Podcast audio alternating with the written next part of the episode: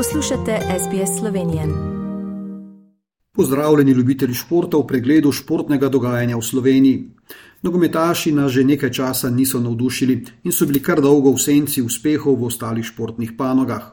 Tokrat so prav nogometaši prišli v spredje, saj so si proti pričakovanjem uspeli zagotoviti obstanek v drugem kakovostnem razredu nogometne lige narodov. Skupina, v kateri so bile še reprezentance Srbije, Norveške in Švedske, res ni obetala realnih možnosti za kaj več kot četrto mesto. In v takšen razplet je bila prepričana tudi večina, potem ko so naši nogometaši na začetku tekmovanja v mesecu juniju izgubili uvodni dve tekmi, doma Švedsko ter v gosteh pri Srbiji.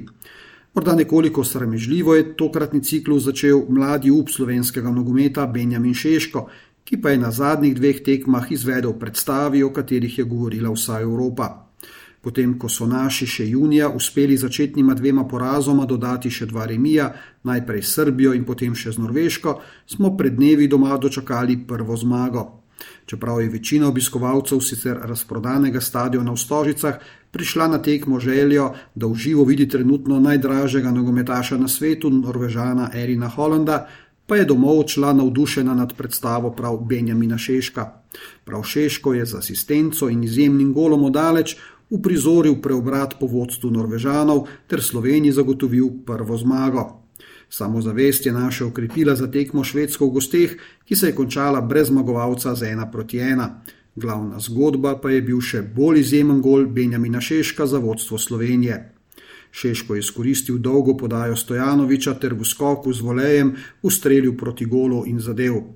Zadetek je preplavil svetovne medije in social, socialna omrežja in še enkrat vreč so temu 19 let staremu in kar 195 cm visokemu napadalcu vsi napovedali izjemno kariero. Šesko, Šeško, ki je še pred dopolnjenim 17 letom iz Domžal prestopil v klub Red Bull Salzburg za takrat izjemno visoko odškodnino v višini 2,5 milijona evrov, je poleti že podpisal pogodbo z nemškim Leipzigom, kamor pa bo odšel prihodnje leto. Njegov dosedani klub bo za njih stržil 20 milijonov evrov. Po Luki Dončiću, kolesarju Tadeju Pogačarju, plezalki Jani Garmbret ter atletu Kristjanu Čehu torej še en čudežni deček slovenskega športa. Po pričakovanjih pa se našim najboljšim kolesarjem žal ni šlo na svetovnem prvenstvu v Avstraliji. V kronometru je Tadej Pogačar osvojil šesto mesto z 48 sekundami zaostanka za presenetljivim zmagovalcem Norvežanom Fosom. Na cestni dirki je tik pred koncem sicer že kazalo na slovensko odličje, saj je v šprintu kot zasledovalec za vodilnim Belgicem Evenepolom pospešil Jan Tratnik in bil dobesedno 40 metrov oddaljen od srebrne medalje, a so ga njegovi zasledovalci v zadnjih metrih le ujeli in tudi prehiteli. Pogačar je v zaključku izgubil stik z vodilnimi in je dirko končal kot 19. Velja omeniti še odlično deveto mesto Mateuža Govekarja na preizkušnji mlajših članov. Začela se je nova sezona rokometne lige prvakov, v kateri Slovenijo leto zastopajo rokometaši celja Pivovarne Laško.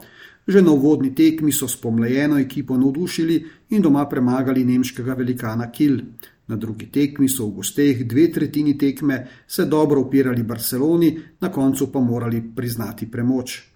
Pri dekletih so rokometašice Krima v tretjem krogu ženske rokometne lige prvakov zabeležile prvo zmago in sicer v gosteh na Češkem. To je bil današnji pregled športnega dogajanja v Sloveniji v minulih 14 dneh. Za vas sem ga tudi tokrat pripravil Tomaš Ambrožič, ki vas prav lepo pozdravljam. Všečkaj, deli, komentiraj. Spremljaj SBS Slovenijo na Facebooku.